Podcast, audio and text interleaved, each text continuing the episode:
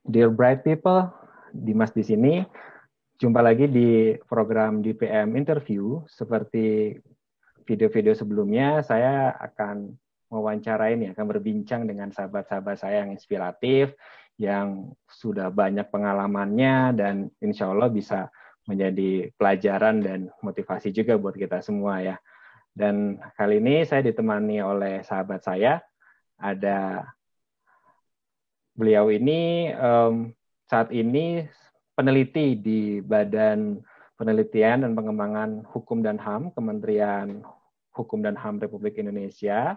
Beliau juga tunanetra juga dan aktif banget di isu disabilitas dan pengalamannya sudah internasional lah ya. So, ketemu dengan sahabat saya, please welcome Abi Marutama. Halo Pak, apa kabar? Halo bro, Baik, sehat alhamdulillah. Alhamdulillah. Gimana lagi sibuk apa hari ini sekarang? Lagi sibuk uh, baru baru menyelesaikan konferensi internasional di Balitbank mm -hmm. Hukum dan HAM. Mm -hmm. Kemudian uh, nanti bulan Desember akan uh, apa namanya menyiarkan acara Inclusion 101 uh, terakhir, ter maksudnya penutup di akhir tahun Akhir ini tahun ya. sudah memasuki seri ke-6 iya. Mm -mm. Gitu. Cara diskusinya sama Ed Amerika itu ya. Betul, Bro. Oke. Okay. Oke, nanti kita ngobrol tentang itu juga deh lebih jauh. Nah, tapi seperti biasa Bu di channel gua nih kita ada beberapa rapid test nih ya, tapi nggak perlu tes darah, cukup ada beberapa pertanyaan aja.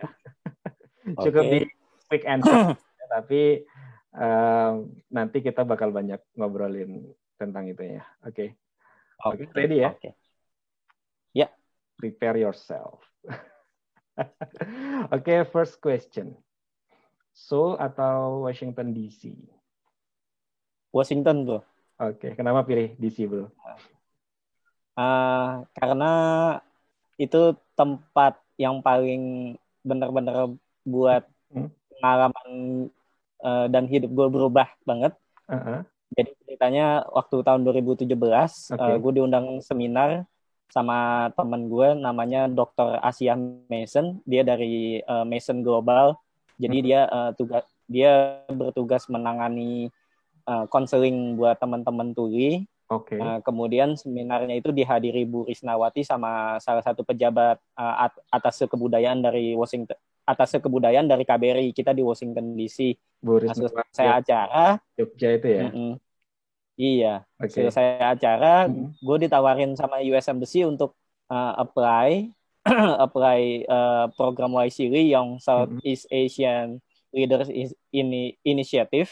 Okay. Uh, dan program itu sebenarnya belum banyak di diketahui oleh teman-teman disabilitas dan uh, gue orang pertama yang disabilitas yang mendaftar di program itu karena sebenarnya program itu mm-hmm. bukan untuk uh, penyandang disabilitas tapi sangat terbuka bagi penyandang disabilitas. Nah yeah. sejak itu gue uh, mm-hmm. berangkatlah ke Washington DC selama enam minggu gitu. Oke, okay.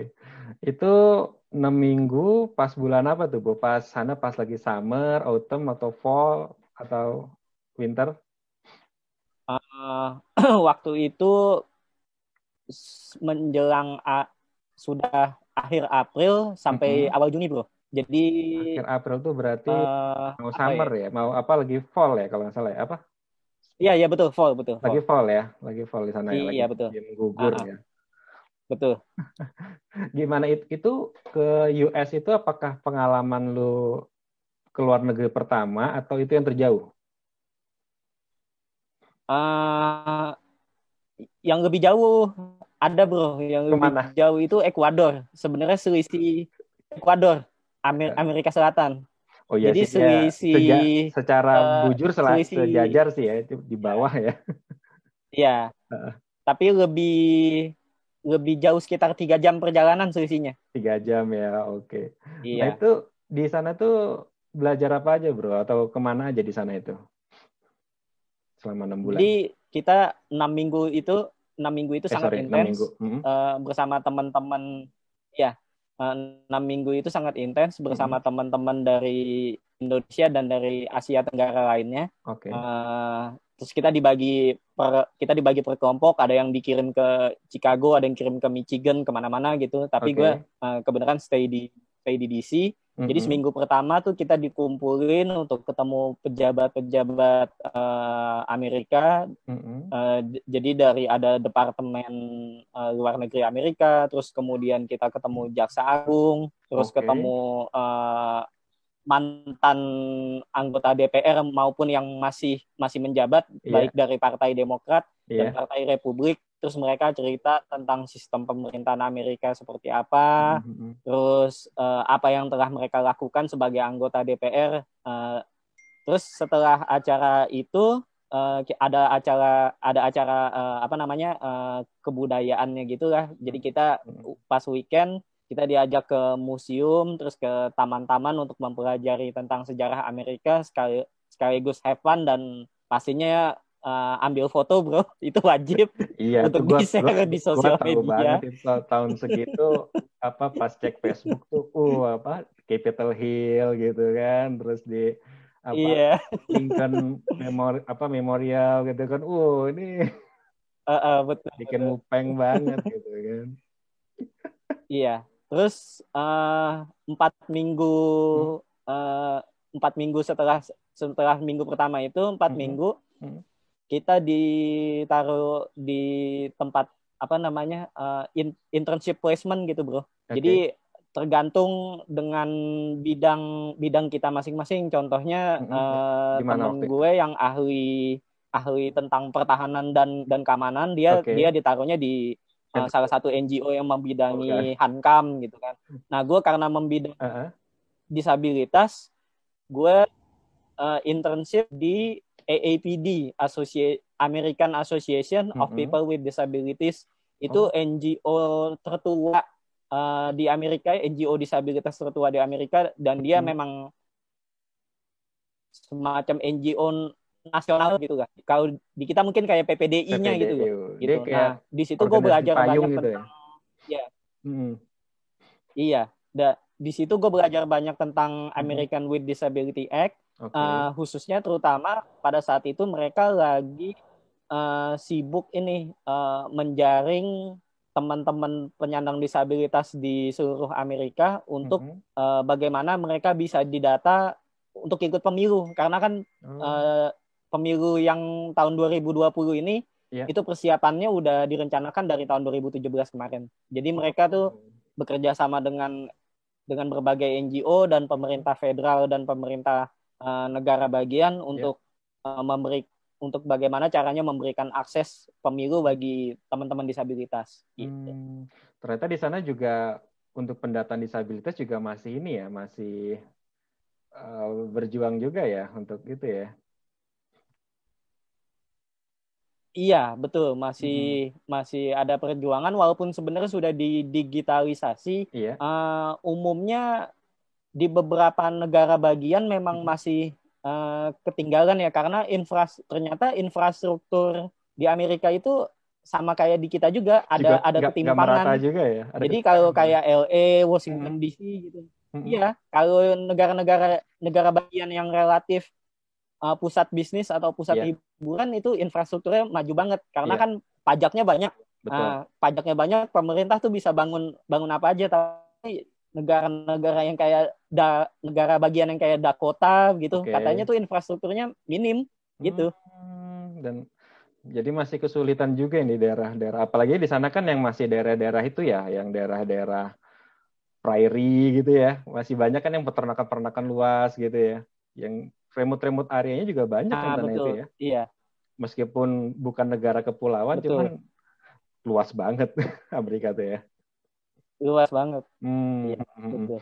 Tapi jadi gimana? Di sana untuk pemilu sendiri ketika election gitu, itu untuk yang disabilitas itu apakah akomodasinya seperti apa bro di sana? Untuk yang disab untuk yang disable. Uh, jadi kok sempat menggunakan uh, voting machine itu bro. Jadi yeah. uh, vote-nya itu kalau teman-teman disabilitas khususnya mm-hmm. yang netra itu nggak yeah. pakai kertas. Jadi dia pakai okay. voting machine. Okay. Jadi kayak model mesin seukuran uh, seukuran ATM tapi lebih kecil lagi. Oke. Okay. Itu ada layar ada layar digitalnya terus beserta baca layar. Nah, di situ uh, teman-teman tuh bisa memilih siapa kandidatnya gitu. Nanti tuh di di pembaca layarnya dibacain misalnya John John McCain, yeah. terus Donald Trump gitu. Mm. Uh, terus bagi penyandang disabilitas yang yang nggak bisa keluar rumah mm -hmm. itu bisa memilih dengan uh, apa namanya dengan sistem persuratan. Jadi okay. uh, dia bisa uh, dia cetak cetak kertas kertas mm -hmm. yang ada di website okay. terus habis itu dia pilih mm -hmm. habis dia pilih terus dia amplopin terus dia terus dia seal dia kirim via via pos okay. gitu bagi teman-teman disabilitas mm -hmm. yang nggak bisa keluar rumah gitu. Tapi sebetulnya untuk yang umum, maksudnya yang voters yang non disability apa without disability itu mereka masih pakai kertas ya, bukan pakai voting machine itu juga? Uh, bisa dua, bisa pakai hmm. kertas, bisa pakai voting mesin. Tapi umumnya orang udah pada pakai voting mesin semua. Oh gitu. Maksudnya itu opsional apa tergantung daerahnya? Mungkin ada yang infrastrukturnya tadi yang udah ya, support gitu. Kalau menurut gue tergantung tergantung daerahnya ya. Tergantung kalau Washington ya. DC semua udah digital voting semua. mesin ya. Hmm. Iya betul. Keren ya. Berarti kayak kayak ketika tunanetra pengen voting ya tinggal masuk bawa headset gitu ya colokin iya. udah gak kedengeran siapa-siapa ya. Iya betul. Wah keren keren. Nah, Jadi tapi... lu tinggal masukin nomor apa kayak nicknya gitu, nomor induk kependudukannya. Uh, Oke. Okay. Terus habis itu password uh, email dan password. Uh, uh Habis itu baru bisa memilih gitu. Wah keren ya. Jadi dia online. Hmm, tapi tetap harus datang ya, meskipun online tetap harus ke TPS ya. Nggak nggak bisa uh, di dari rumah gitu. Karena memang mungkin untuk menghindari kecurangan kali ya. kecurangan ya. ya. Uh, jadi dia ber, ber, berbasis aplikasi sih. Jadi nggak bisa diakses via website. Oke, okay. offline jadinya ya dia di situ ya. Kayaknya gitu offline hmm, kayaknya. offline. Nah, terus itu kalau yang via tadi bro, via apa? Via pos pos mail tadi itu, ya, via nah, yang via pos itu kalau setahu kalau setahu gue kan kalau misalnya kayak di Australia kan itu memang ada opsi seperti itu kan maksudnya bukan hanya buat yang disabilitas tapi buat yang nggak disabilitas pun kalau dia ada karena di sana wajib kan buat milih. Kalau di Australia kan yeah. wajib, wajib. Jadi dia bisa bisa by phone atau by mail gitu. Nah kalau di sana itu yang umum juga bisa kan pakai by mail gitu kan ya? Boleh. Bo boleh. boleh juga sih. Tapi hmm. memang uh, diprioritaskan untuk yang disabilitas. Oh gitu, gitu. ya ya ya ya. Wajib nggak sih kalau di sana itu untuk voting? Apa? Untuk vote uh, siap warga negara wajib nggak nggak wajib loh itu hak jadi hak ya abstain juga boleh boleh uh, ya abstain hmm. oke okay, kalau gitu keren ya Oke, okay. itu kan dari segi election bro, tapi kan di sana juga belajar banyak lah ya uh, soal masalah mm-hmm. tentang disability. Nah, mungkin hal yang paling apa yang paling kentara gitu, yang paling penting yang menurut lo yang itu bisa diadopsi di sini apa bro di Indonesia? Apa yang mereka sudah lakukan? Uh, gitu? Kalau di Washington sih sama di Virginia mm-hmm. itu uh, pemerintahnya memang care terhadap uh, teman-teman disabilitas karena memang itu ibu kota ya. Yeah. Uh, dan Virginia juga kan nggak nggak jauh dari ibu kota kayak dari Jakarta ke Tangerang lah gitu. itu memang infrastrukturnya dibangun mm-hmm. uh, dibangun sedemikian rupa sehingga akses mm-hmm. untuk penyandang disabilitas mm-hmm. bermobilitas secara mandiri gitu. Yeah, yeah. Jadi seperti misalnya subway, okay. walaupun subway-nya itu udah uh, model lama banget bangunannya, mm-hmm. termasuk uh, keretanya juga model yeah. lama banget, tapi di tapi dimodifikasi untuk dibikin sejajar mm-hmm. sehingga yang pakai kursi roda misalnya mm-hmm. itu bisa bisa bisa naik subway secara mandiri. Oh pas terus, di peronnya ya. Uh, uh, terus di setiap uh, pintu-pintu jadi kan apa namanya uh, sapu itu kan kita turun ke bawah ya, yeah, yeah. Uh, ke bawah tanah gitu kan. Mm -hmm. Nah itu ada pintu khusus disabilitas. Jadi kalau penyandang disabilitas yang butuh uh, bantuan dari petugas uh, petugas uh, subway, dia bisa tekan tombol terus dia kira-kira nunggu sekitar 1 2 menit petugas akan datang untuk uh, menjemput dia untuk hmm. nganterin ke oh. untuk nganterin sampai naik subway dan yeah, nanti yeah, iya. petugas yeah. itu juga akan ngasih tahu mm-hmm. jadi si petugas akan nanya nih uh, misalnya gue mau turun di stasiun apa gitu. Yeah. Nah, ya. nanti dia akan lapor ke ke stasiun itu bahwa minta tolong mm -hmm. uh, jemput orang ini yang ada di gerbong sekian. Jadi mm. dicatat sama yeah, dia yeah, yeah. sekian pakai baju gitu. Berarti ketika Jadi dijemput Uh, berarti ketika kita datang itu ada kayak model tombol yang di pesawat itu ya kalau kita minta bantuan pencet tombol ini gitu ya. Pas datang di iya, stasiunnya seperti ada, itu ya. Iya. Iya. Hmm, itu. Hmm, hmm. itu mungkin sekarang kalau nggak salah itu kayak di busway di kereta tuh mulai ada uh. diadopsi sih cuman masih manual ya maksudnya masih yeah. kalau kita datang kalau ada petugas yang nyamperin ya nanti kalau nggak salah seringan tuh kalau gue naik busway sih dia kadang-kadang kayak kontak temen yang di mana gitu kayaknya ya buat siap-siap kalau kita turun di halte mana gitu mirip-mirip kayak gitu kali ya iya oh iya sama halte halte bisnya itu iya kalau bis gimana di sana bro Iya halte bisnya gue sempet naik. Mm-hmm. Jadi memang dia ada layar sama kayak di kita tuh. Mm-hmm. Ada layar yang menjelaskan kedatangan bisnya okay. itu sekitar berapa lagi. Mm-hmm. Terus di samping itu ada tombol untuk disabilitas. Jadi kalau ditekan mm-hmm. itu uh, tombol itu akan membacakan oh. layar itu. Gitu. Oh iya iya ya kita situ belum ya. kita belum belum ada. Iya dan setiap setiap mm-hmm. bis mm-hmm. itu uh, ketika dia berhenti dia akan menyebutkan nomor bisnya dan mm -hmm. tujuan dan tujuan selanjutnya. Jadi penyandang disabilitas itu tahu misalnya bis 15A itu menuju terminal mana gitu. Oke. Okay. Itu suara di gitu. haltenya. Apa dari uh, bis? Bukan, suara suara dari bisnya. Oh, dari bisnya. Kedengeran wow, kencang ya. Mm -hmm. Iya. Dan setiap Jadi di halte juga ini juga ada announcement juga. Iya. Setiap berhenti di mana gitu ya. Hmm. Iya, lampu lalu lintas juga yang apa pe pelikan cross Pelik, itu pelikan ya. cross, ha?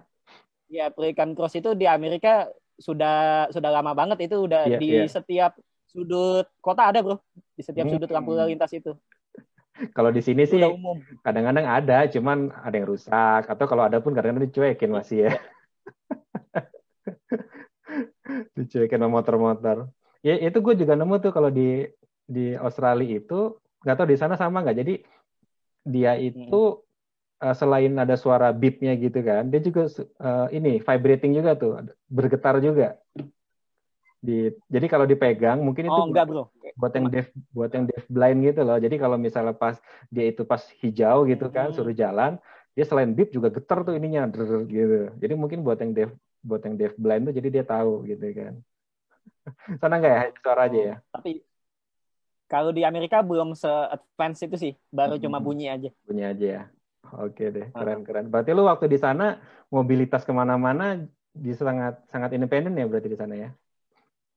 Uh, bahkan gue sering kalau pas lagi weekend uh -huh. itu kan kita nggak ada kegiatan apa-apa, ada okay. yang boleh cuma istirahat di kamar terserah, pokoknya nggak mau melakukan apa. Mm -hmm. Itu gue sering jalan-jalan sendirian.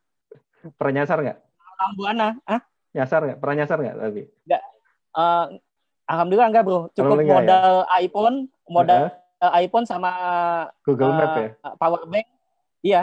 Pokoknya modal iPhone sama power bank lu nggak bakal nyasar bro.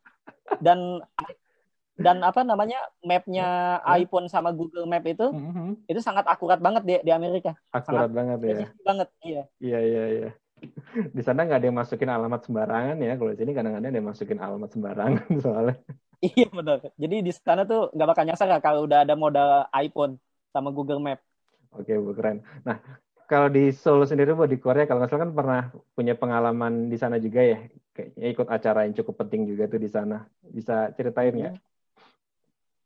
Uh, ya, jadi gue pernah ke Seoul. Mm -hmm. uh, sebenarnya terlalu banyak sih gue ke sana sampai lima kali. Iya beberapa uh, kali sih ya. Iya, jadi yang sebenarnya yang yang benar-benar hmm. konferensi itu cuma tiga kali, tapi yang hmm. dua kalinya itu liburan sebenarnya. Okay. Nah, jadi yang konferensi ini tahun 2016 uh, hmm. bukan konferensi sih apa namanya uh, semacam youth exchange program gitu juga okay. untuk khusus penyandang disabilitas ini. Okay. Diselenggarakan oleh Rehabilitation International Korea hmm. yang uangnya itu didanai sama Kementerian Kesehatan dan uh, apa sosial welfare-nya Korea gitu. Korea. Hmm. Jadi dia ngundang 10 uh, peserta setiap mm -hmm. tahunnya tuh dari negara-negara Asia Pasifik. Mm -hmm. Nah, gue berangkat tahun 2016. Nah, di sana uh, karena memang rehabilitation internasional itu sebenarnya fokusnya uh, ke empower apa disability empowerment-nya itu melalui ICT gitu. Okay. Jadi di sana tuh gue diperkenalkan dengan dunia ICT-nya orang Korea itu seperti apa hmm. gitu. Hmm. Terus di samping itu juga ada uh, pelajaran-pelajaran informasi terkait dengan kebijakan dan peraturan perundang-undangan di Korea yang memang memberikan jaminan uh, hak pekerjaan, hak pendidikan dan hak-hak lainnya bagi uh, penyandang disabilitas. Yeah. Sama yeah. di dikasih lihat uh, de, berbagai infrastruktur yang ada di Korea gitu. Hmm, gimana gimana kalau dibandingkan dengan di US dengan di sini gimana bro? Apa plus minusnya bro? Uh, kalau di Korea gue merasa hmm. lebih futuristik ya ketimbang okay. Amerika sebenarnya. Gimana gimana tuh futuristiknya Karena mungkin, itu? Uh, iya karena mungkin karena stasiun subway-nya uh-huh. dibikinnya modern kali ya Be- beda banget dengan Amerika yang kuno terus okay. catnya itu kusam gitu gitu kan dan karena, karena baru baru dan agak dan, iya dan dan dan dan agak gelap gitu hmm. uh, bangunan-bangunan di Amerika gitu kan yeah, yeah. Uh, terus pavementnya apa namanya uh, trotoarnya itu sebenarnya lebih bagus di Korea menurut gue karena hmm. lebih uh, tingkat tingkat apa uh, jadi kalau di Korea itu mm-hmm. uh, tinggi trotoarnya itu kan memang sejajar dengan jalan jalan raya. Nah, okay. dia dibikin ting uh, sejajarnya itu dari ujung ke ujung, beda sama Amerika. Kalau Amerika okay. ujungnya ujungnya uh, landai, mm-hmm. terus ujung sebelah sananya juga landai, tetapi okay. di di tengah-tengahnya gitu naik. agak tinggi yeah. gitu. Ah iya agak agak agak naik kalau model trotoar Amerika gitu. Ya, Tapi kalau ya. trotoarnya ya. uh, uh, kalau hmm. trotoarnya Korea itu dia sepanjang trotoar itu ya sejajar semua oh, gitu. Dan okay. dan itu lebih bagus. Yeah, yeah, Tetapi yeah. Ada hal yang menarik nih dari Korea ternyata uh, walaupun pemerintah tuh sudah bangun infrastruktur yang sangat aksesibel banget di Korea, okay, tetapi okay. ternyata teman-teman disabilitas itu jarang yang menggunakan infrastruktur itu. Mereka lebih nyaman naik kendaraan pribadi mereka. Hmm. Umumnya mereka rata-rata uh, punya kendaraan pribadi sih, umumnya rata-rata ya. Yeah, yeah, uh, yeah. Alasannya karena ternyata stigma terhadap penyandang disabilitas di Korea itu masih masih tinggi bro. Jadi dia tuh oh. di uh, masih dianggap kayak kelas kelas dua lah yeah, penyandang yeah. disabilitas. Yeah. Beda dengan di Amerika, hmm. orang Amerika lebih open minded dengan, dengan yeah. teman-teman disabilitas. Hmm. Bahkan mereka siap membantu gitu, hmm. walaupun hmm. bukan bukan petugas, aja pernah ditolong sama penumpang lain gitu. Iya iya. Berarti yeah. ya mungkin ya karena karena kultur Asia juga kali ya di Korea itu ya, ya mirip-mirip. Tapi di sini sebetulnya ya masih sih, cuman ya ada progres lah ya. Iya. iya. Iya. Oke. Oke. Nah, tapi kan sebetulnya gini bro, lu udah sampai karir sampai saat ini, terus kan, terus juga pengalaman internasionalnya banyak gitu kan. Itu kan juga perjuangannya dari awal pasti luar biasa lah itu perjuangannya ya. Lu sebetulnya apa tunanetranya itu dari kapan dan itu kenapa itu bro? Uh, eh, gue tunanetra dari lahir. Lahir, lahir Jadi, ya? Uh, uh, dari Cuma lu, sejak lu nggak eksis ya di kalangan kita ya? Mengucilkan diri bro. Iya lu eksisnya pas udah ini kan udah udah gede gitu kan. iya. Jadi dari lahir hmm? uh, gue sakit uh, ada glukoma okay. gitu. Uh -uh uh, jadi mata kanan gue tuh sebelah udah nggak lihat sama sekali. Mm-hmm. Uh, tinggal sisa yang kiri, yang kiri juga nggak full 100% sih.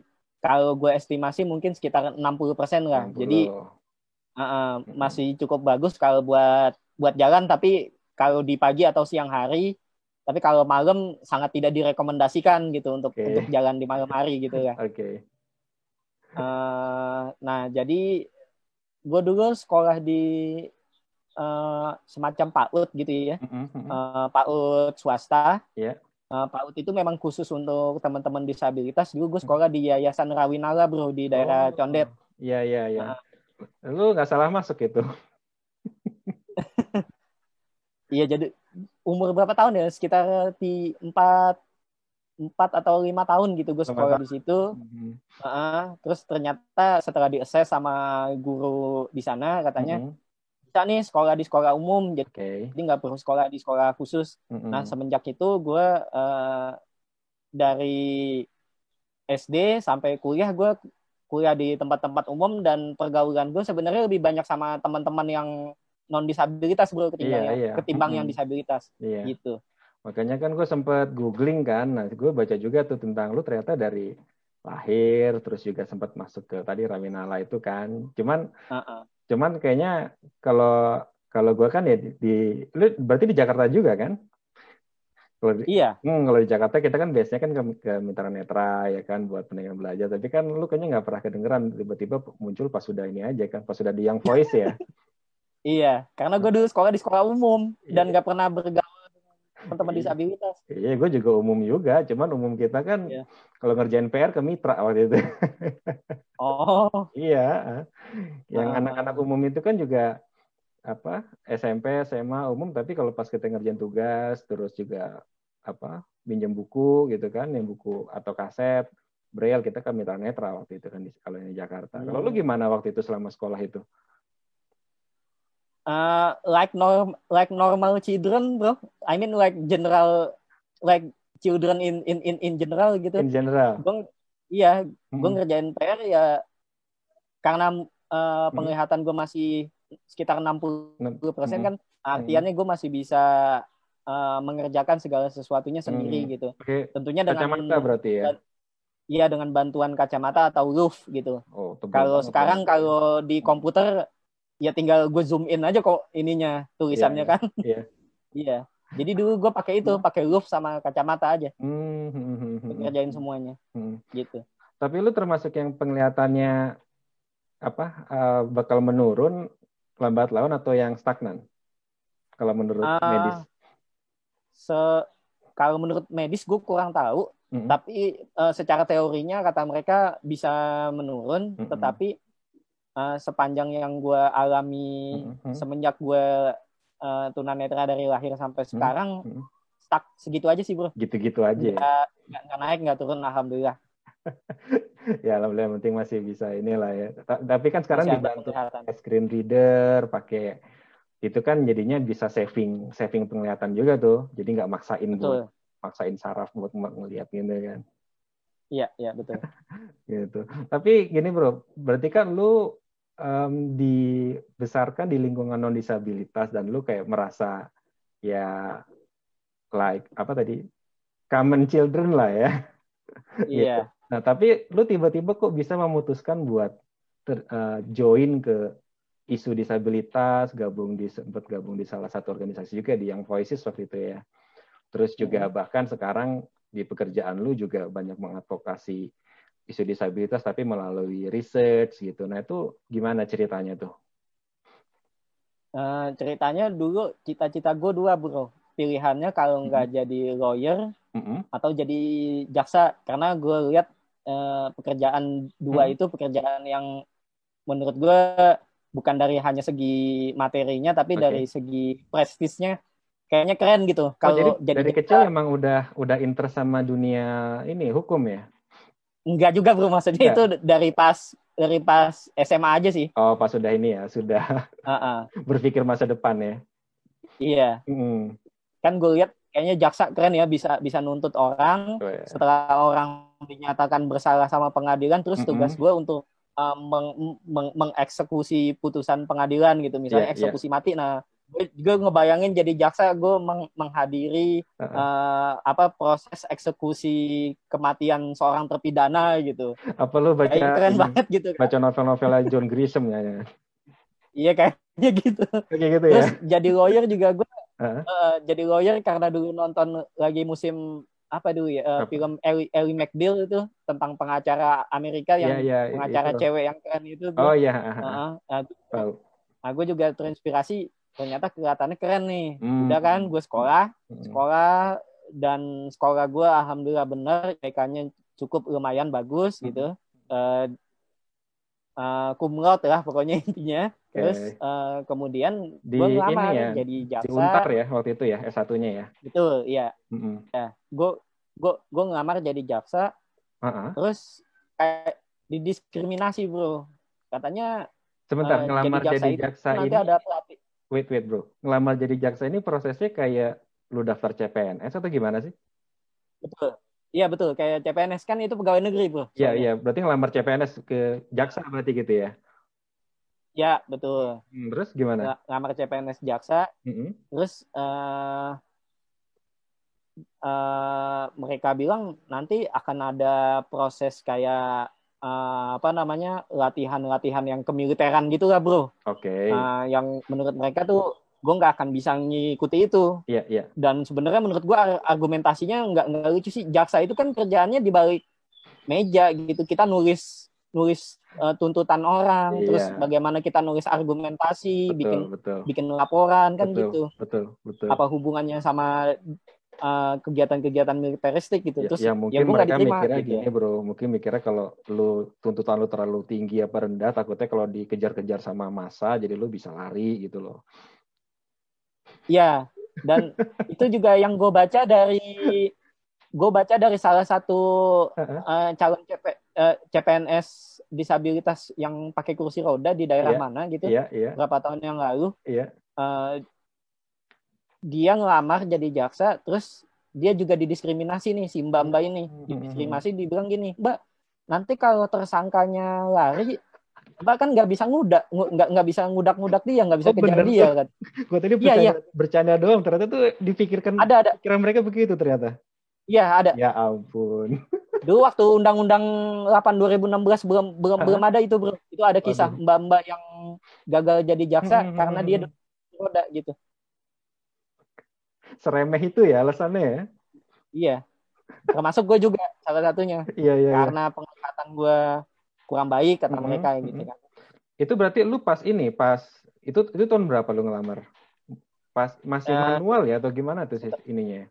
Iya, CPNS masih manual yang manual belum, ya. belum pakai CAT hmm. yang masih pakai hmm. apa tuh? Uh, ngebulet-buletin itu gak, Bro? Iya, iya. Jadi pas administrasi aja lu udah langsung gagal gitu ya? Iya. Hmm. Berarti nah, semenjak itu, itu gue jadi dendam nih, dendam. Iya.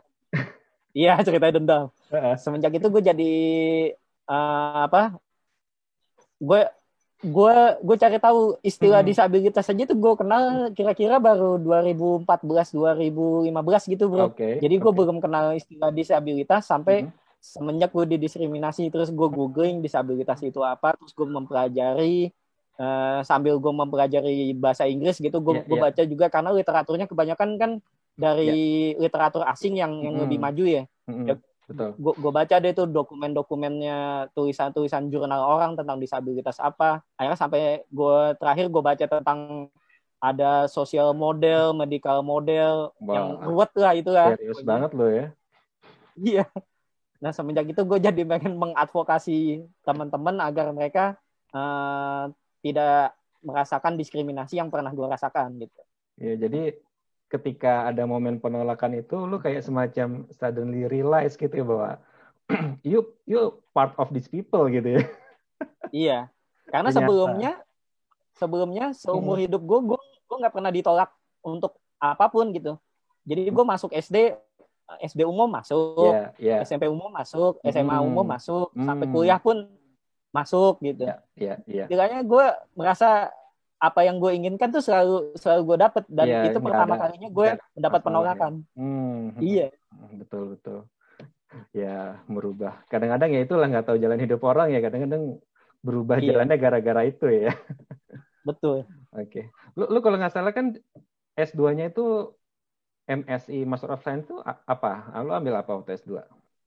Uh, waktu S2 gue sebenarnya gue uh, senang untuk melanjutkan hukum internasional. Mm-hmm. Nah, uh, tetapi gue nggak ngambil hukum, gue uh, ngambil tentang uh, uh, politik internasional gitu. Jadi di MSI ya? gue di bidang politik internasional. Iya. Di visi UI berarti ya. Oh, Betul. Kenapa kenapa ngambil apa politik internasional ya?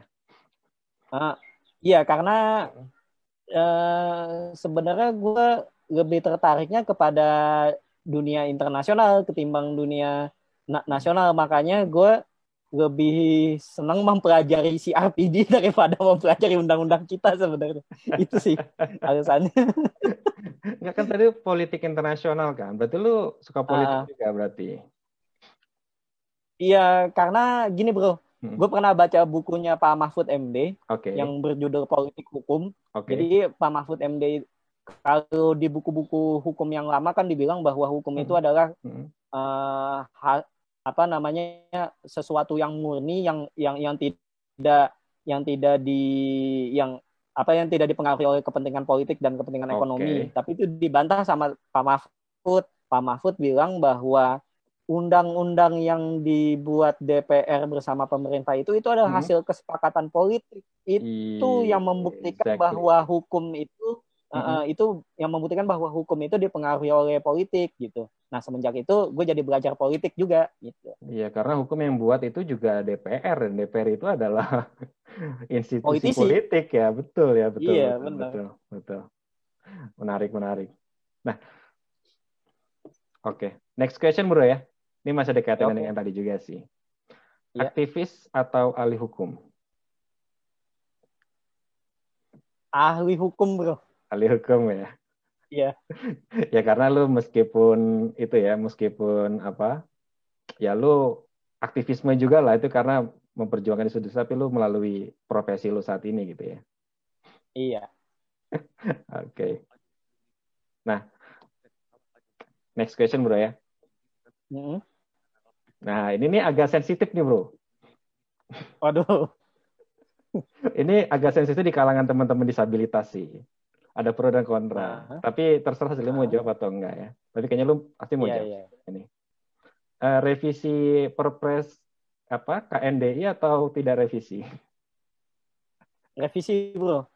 kenapa kenapa? Apa sih uh, yang perlu direvisi? Baru-baru Ya, baru-baru ini uh, uh, sahabat kita tuh dari Kota Padang menulis, okay. uh, uh, udah udah Antoni Saputra kalau yeah, yeah. kenal, tahu. Uh, ya, itu menulis di di mana ya di ada di eh, jurnalnya New South Wales University kalau nggak okay. salah itu tentang kritiknya dia terhadap KNDI dan mm -hmm. gue baca dan gue juga baru-baru ini juga menulis mm -hmm. uh, bukan baru-baru ini sih beberapa bulan yang lalu gue menulis tentang KND KNDI ini juga mm. yang gue yang uh, cuma bedanya gue bukan jurnal gue lebih kayak wartawan gitu terus yeah, ngasih yeah uh, kolumnis lah kolumnis bukan wartawan lah, kolumnis ya, iya essay hmm.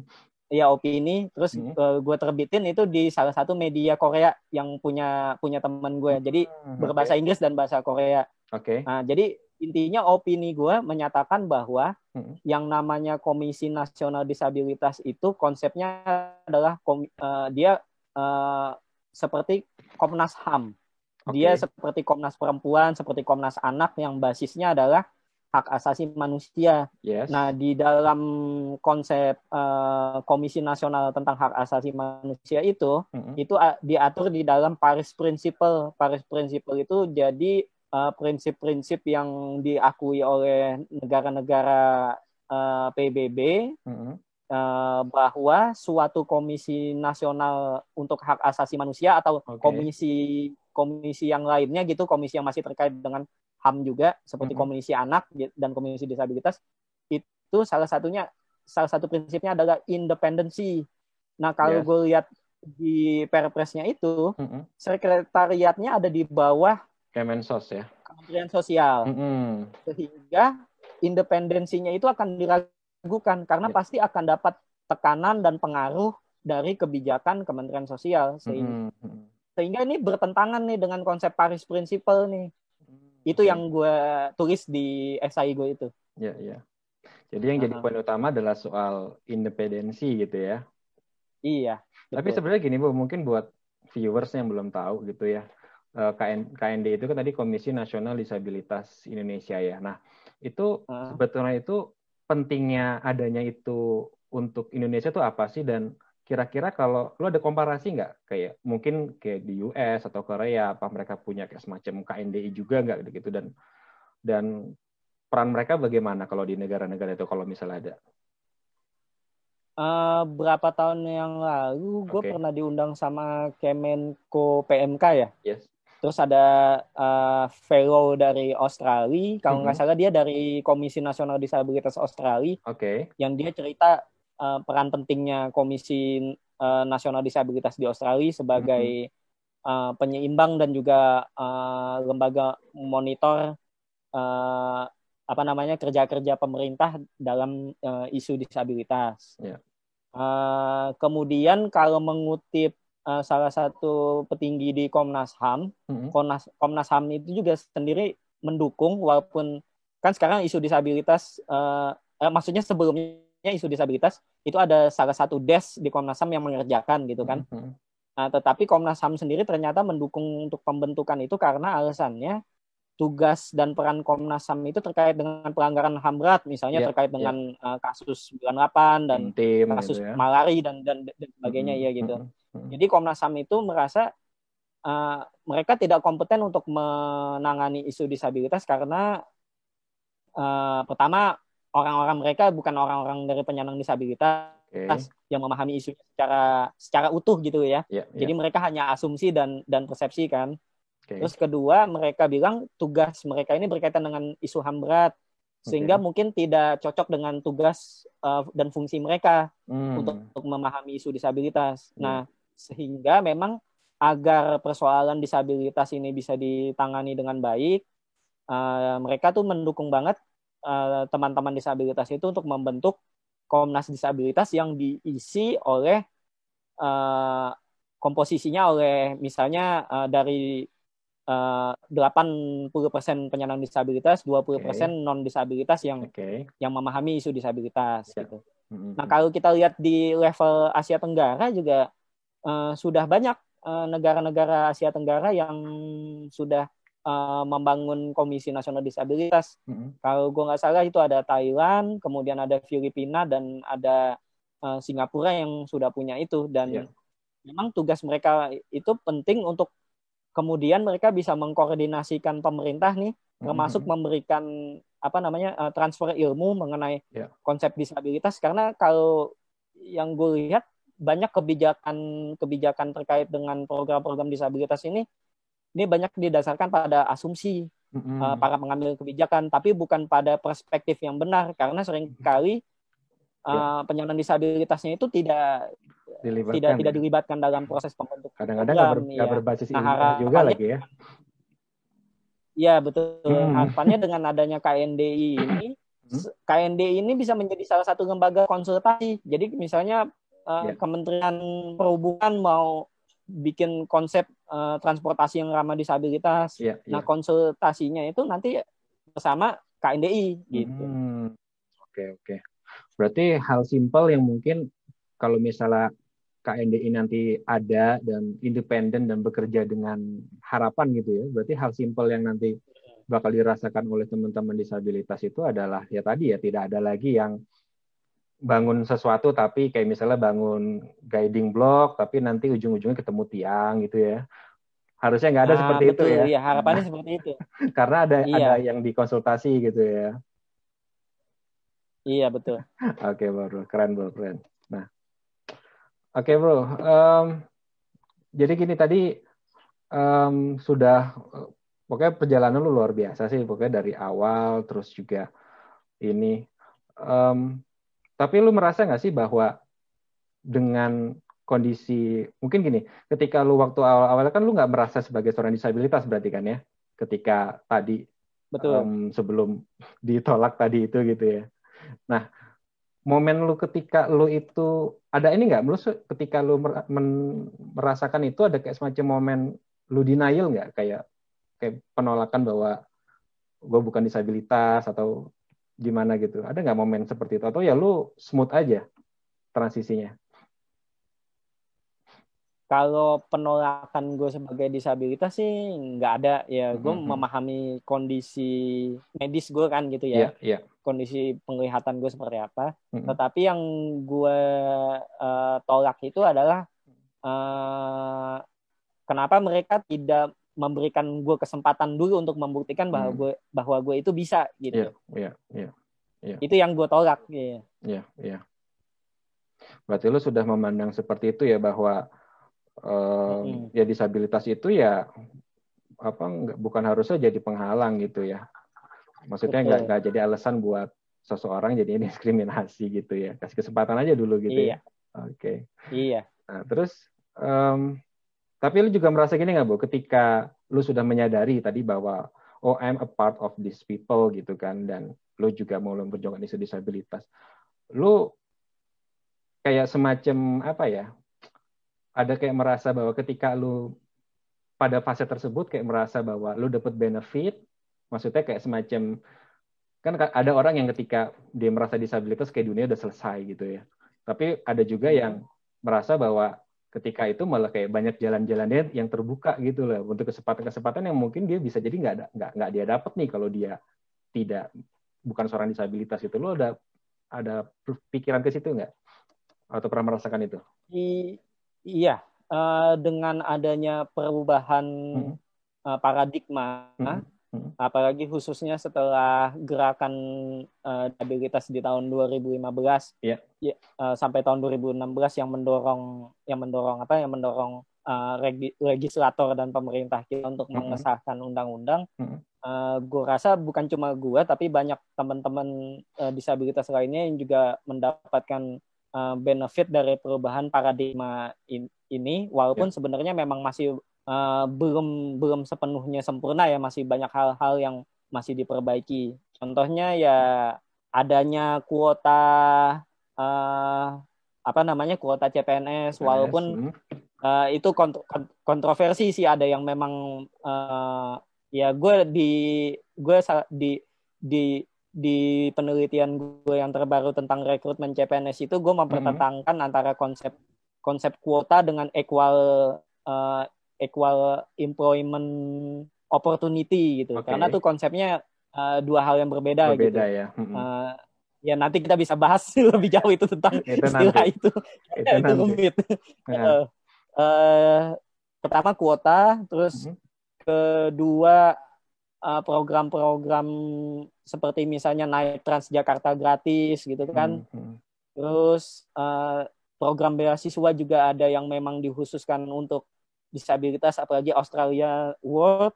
Oke. Okay. Terus program-program Amerika juga uh, banyak yang mengusung disabilitas hmm. dan gue merasa kalau gue nggak disabilitas gue belum gue belum tentu terpilih. Nah ini ada sedikit joke bro ya. Iya iya boleh. Uh, kan suka ikut pengajian gitu. Uh. Terus di akhir pengajian gue uh, ngobrol-ngobrol sama ustadz gue gitu. Uh. Terus gue minta didoain supaya sehat gitu kan.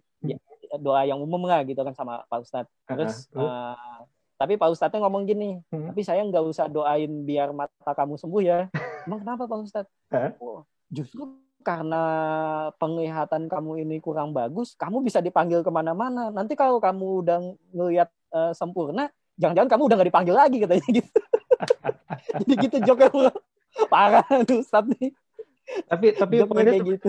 bukan itu bu menurut gue poinnya adalah lu karena tadi lu ada menerima diri lu dan bahkan lu mau memperjuangkan itu. Itu sebetulnya sih bukan karena lu disabilitas aja. Kan karena, karena banyak teman-teman kita iya, yang iya, disabilitas juga cuman dia mungkin masih denial atau tidak mau mengoptimalkan peluang yang dia punya gitu. Karena banyak kan yang merasa bahwa ah gue nggak bisa lihat ya udah gue di rumah aja lah nggak mau ngapa-ngapain. Paling ah gue nggak mau ngelamar kerja paling gue juga ditolak ah gue nggak mau ini paling juga ini ya akhirnya nggak ke mana-mana gitu kan ya Iya, kalau gue melihatnya hmm. uh, dua sisi sih, maksudnya yeah, gini. Yeah.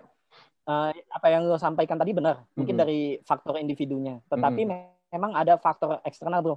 Ya, yeah, uh, sistem ya, gue ya. termasuk ya hmm. ya gue termasuk uh, yang bersyukur gitu maksudnya dibesarkan hmm. di keluarga yang uh, cukup okay. mampu secara ekonomi sehingga hmm. gue bisa mengakses uh, layanan-layanan yeah, yeah, yeah. uh, pendidikan yang terbaik lah gitu hmm. uh, ya dan dan kan uh, bisa mengakses hal-hal itu sehingga hmm. uh, kita bisa meningkatkan kapasitas kita tetapi mungkin memang uh, beberapa teman-teman yang dari uh, keluarga yang katakanlah kurang mampu hmm. ini yang menjadi masalah ini yang harus memang uh, kita dan pemerintah tuh bantu bersama bagaimana membantu uh, teman-teman disabilitas yang tidak mampu. Uh, gue tuh sering diskusi sama teman-teman uh, US alumni gitu kan yang yeah. uh, yang pernah uh, dapat beasiswa baik short term maupun long term di Amerika. Hmm. Jadi sebenarnya teman-teman disabilitas itu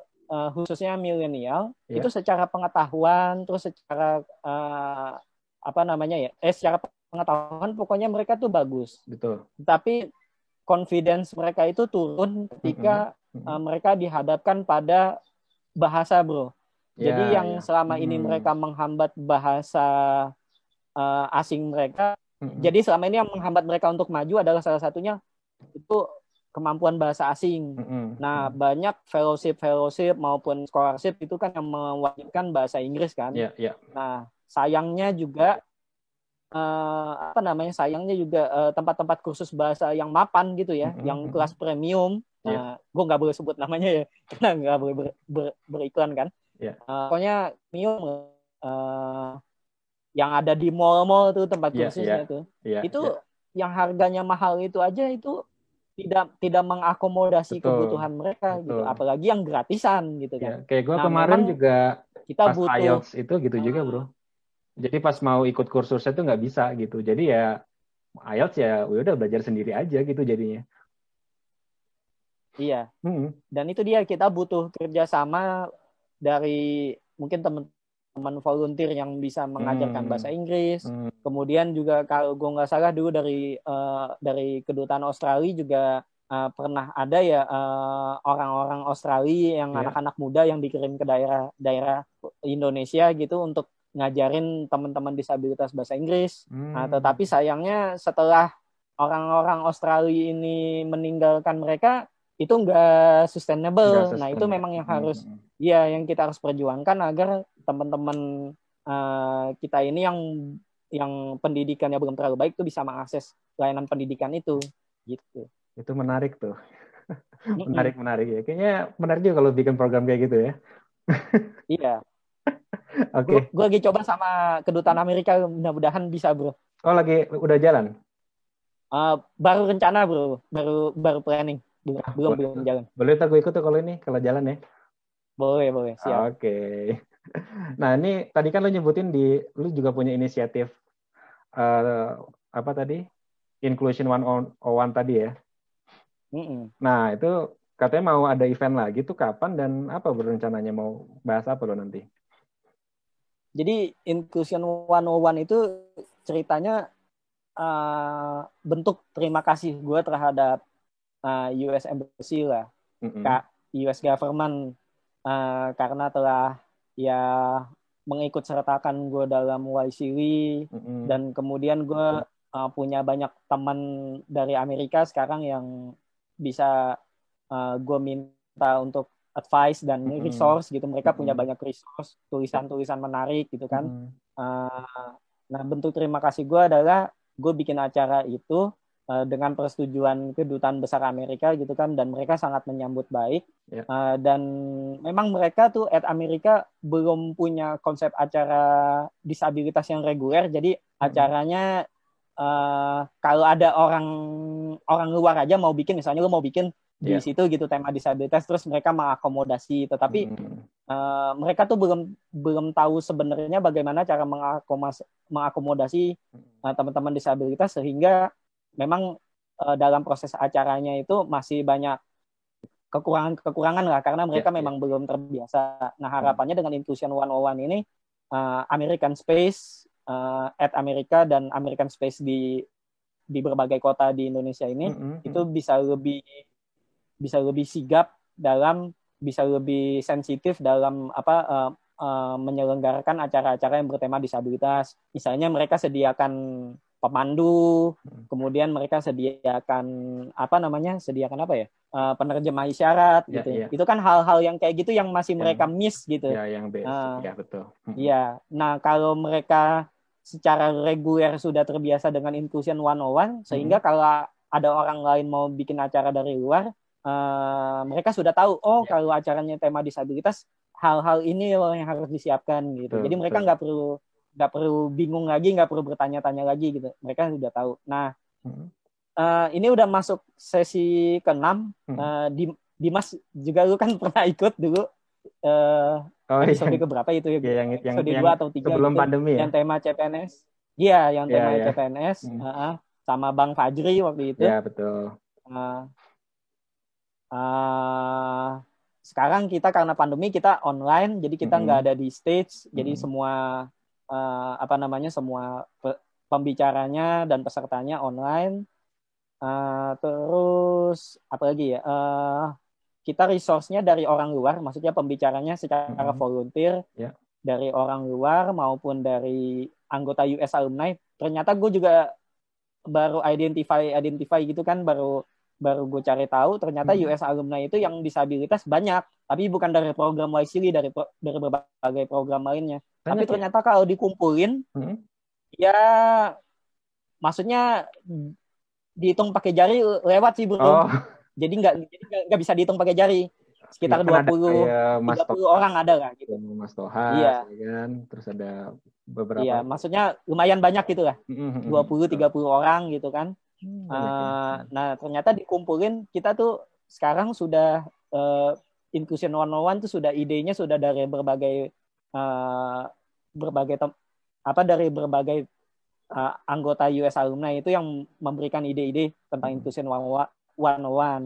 Nah khususnya di tahun depan uh, gue nggak lagi untuk memoder memoderasi acara itu hmm. karena gue uh, mau ada penyegaran gitu lah walaupun uh, acara itu gue yang bikin tapi gue gue gue nggak mau monopoli. Karena itu acara bersama gitu yeah, yeah. jadi uh, teman-teman lain bisa menjadi mod moderasi uh, moderator dan kemudian hmm. me mengajukan uh, tema-tema uh, yang yang yang akan kita bahas. Nah kalau tema bulan hmm. Desember ini, hmm. ini gue sama temen gue dari teman gue ini pengacara, pengacara yeah. tuli di Amerika, okay. namanya Michael Stein Stephen. Okay. Nama Stein Stephen ini punya punya project yang waktu itu gue bantu. Hmm. Projectnya ini dia uh, punya organisasi namanya Deaf Legal Advocacy Worldwide. Jadi hmm. uh, tugasnya di law ini Okay. Yang tadi yang tadi Dev Legal ini kepanjangannya eh singkatannya DILO. Oh, DILO iya. ini memberikan uh, beasiswa kepada anak-anak okay. tuli, hmm. tapi khusus sekolahnya hukum doang, nggak boleh hmm, yang lain. Yeah, Karena yeah, yeah. harapannya mereka setelah ha, harapannya si Michael Stephen ini setelah hmm. anak-anak uh, tuli ini sekolah hukum, mereka tuh bisa menjadi pengacara kayak si Michael untuk okay. membela hak-hak uh, teman tuli dan teman disabilitas lainnya gitu. Yeah. Uh, nah, jadi waktu itu gue bantu dia untuk uh, cari kandidat sampai hmm. gue uh, bantuin interviewnya. Okay. Pokoknya dia biayain semua. Uh. Itu gue uh, gue uh, cari teman-teman sampai ke luar kota gitu. Hmm. Uh, dia yang biayain semua. Terus uh, gue yang interview. Terus gue kasih ke dia, dia yang putuskan. Hmm. Nah, sekarang kita mau bahas uh, di Inclusion 101 yang bulan Desember ini di law itu apa uh. dan uh, kemudian uh, bagaimana teman-teman tuli itu bisa mendaftar beasiswa hmm. dan ada success story dari salah satu eh dari dua di law grantis yang sekarang lagi sekolah hukum di Esa Unggul. Oh, udah ada berarti ya? Udah ada. Hmm. Uh, ta tadinya ada tiga bro. S1 tadinya ada atau tiga, kemudian master. Eh, S1, S1, S1 ya. Hmm. S1 bro. Hmm. Iya. Tadinya ada tiga, hmm. yang satu sekolah di sekolah Jentera tempatnya Fajri iya, iya. mengajar, Betul. tetapi uh, uh, si perempuan uh, namanya Isro ini ternyata hmm. mengalami kesulitan untuk sekolah dan kelihatannya hmm. dia sudah mulai kehilangan minatnya lagi. Oke. Okay. Uh, jadi scholarshipnya terpaksa kita kita hentikan gitu. Okay. Nah yang benar-benar sangat uh, yang benar-benar sangat ya. Hmm. berhasil hmm. adalah dua ya yang komit hmm. bahkan hmm. sampai jadi pembicara di Paris bro wow, uh, setahun lalu wow jadi kita tentang hak, hak disabilitas tuli ya uh. jadi dua dua ma, dua mahasiswa di law ini uh, benar-benar komit dan mereka menunjukkan prestasi yang sangat bagus gitu wow, baik wow. secara akademik maupun secara uh, non non non non akademiknya yeah, gitu yeah. Jadi, Jadi lo yang kita akan bicara soal itu. Rekrutmen juga senang juga ya. iya. Iya kalau nggak salah lu kemarin di Facebook itu baru dapat award ya dari US Embassy apa dari YSL itu ya? Itu dari Departemen Luar Negeri Amerika, Bro. Ah, ah, dari ini state ya. Apa tuh itu award apa, Bro? Iya. Uh, jadi uh, Amerika itu kan punya program profesional fellowship program itu banyak ya. Mm -hmm. Ada namanya YCRI. Pokoknya di setiap sorry di setiap kawasan itu beda-beda. Kalau di ya, Asia ya. Tenggara yeah. misalnya YCRI, terus kalau misalnya hmm. di Asia Timur apa gitu ya. Yeah. Yeah. Nah, tapi mereka tuh dalam satu payung namanya PFP, uh, Professional Fellowship Program gitu okay, kan. Oke. Okay. Nah, jadi dari seluruh uh, peserta PFP itu -hmm uh, dipilihnya dari yang PFP tahun 2015 hmm. sampai tahun 2018 uh-huh. itu dipilih totalnya gue nggak tahu yang pasti ada ribuan orang ya okay. itu dipilih okay. cuma enam orang wow. satu satu orang itu mewakili satu region ya oh, okay. mewakili region Asia hmm. mewakili region Eropa gitu kan nah ya itu gue terpilih dari ribuan orang itu pilihlah enam salah satunya gue wow. nah harusnya uh, di PFP jadi di PFP Kongres jadi hmm. setiap tahun itu ada namanya Kongres Kongres hmm. itu ketika teman-teman yang lagi fellowship uh, di bulan uh, fellowship yang di bulan November ini uh, mereka akan mengikuti Kongres yang akan menghadirkan US alumni gitu kan yang pernah ikut PFP di tahun lalu. Yeah uh, untuk menjadi pembicara untuk memberikan kayak semacam motivasi yeah. terus uh, apa namanya uh, tips-tips ya. gitu hmm. bagai ya sharing gitu kan nah, harusnya gue akan berbicara di kongres itu di Washington tapi ya tanggal tanggal dua besok secara tatap muka gitu kan tapi karena ada pandemi uh, awardnya akhirnya dikasih secara digital. Ya, yeah, oke. Okay. Dikasih secara digital, hmm. terus gue juga berbicara di depan eh, orang-orang juga secara digital. Hmm. Uh, uh, jadinya tahu terbangnya ditunda sampai tahun depan gitu. Oh, oh tapi tetap jadi bakal dijanjiin untuk ke Tetap, iya. Oke, okay, iya. kalau gitu. Jadi ini cuma seremoni aja. Iya, iya, iya. Uh -uh. Oh, keren bu, keren keren. Kongres itu buat awardnya ya. iya. Oke, oke bro, kayaknya ini seru banget obrolan kita dan udah udah lama. Ini kayak rekor nih, ini kayaknya interview terpanjang gue nih selama beberapa video ini. Karena banyak banget ya yang kita bahas ya. Oke iya. bro, pokoknya thank you banget udah udah ngobrol-ngobrol selama hampir satu jam ini. Terus juga semoga makin sukses pekerjaannya. Terus juga okay. dengar-dengar lagi ini juga lagi apply Fulbright ya buat S3 ya. Insya Allah. Oke, semoga lolos juga, amin. lancar juga semua prosesnya. Amin, amin. Uh, semoga obrolan kita hari ini bisa bermanfaat ya buat banyak orang ya. Oke, okay, thank iya. you. Oke. Okay. Sampai ketemu lagi. Sampai ketemu yeah. lagi. Thank you, bro. Oke, okay, ya. Uh, dear bright people itu obrolan saya dengan Abi, sahabat saya. Semoga bisa menginspirasi dan jangan lupa um, like video ini, terus juga subscribe buat yang belum dan juga share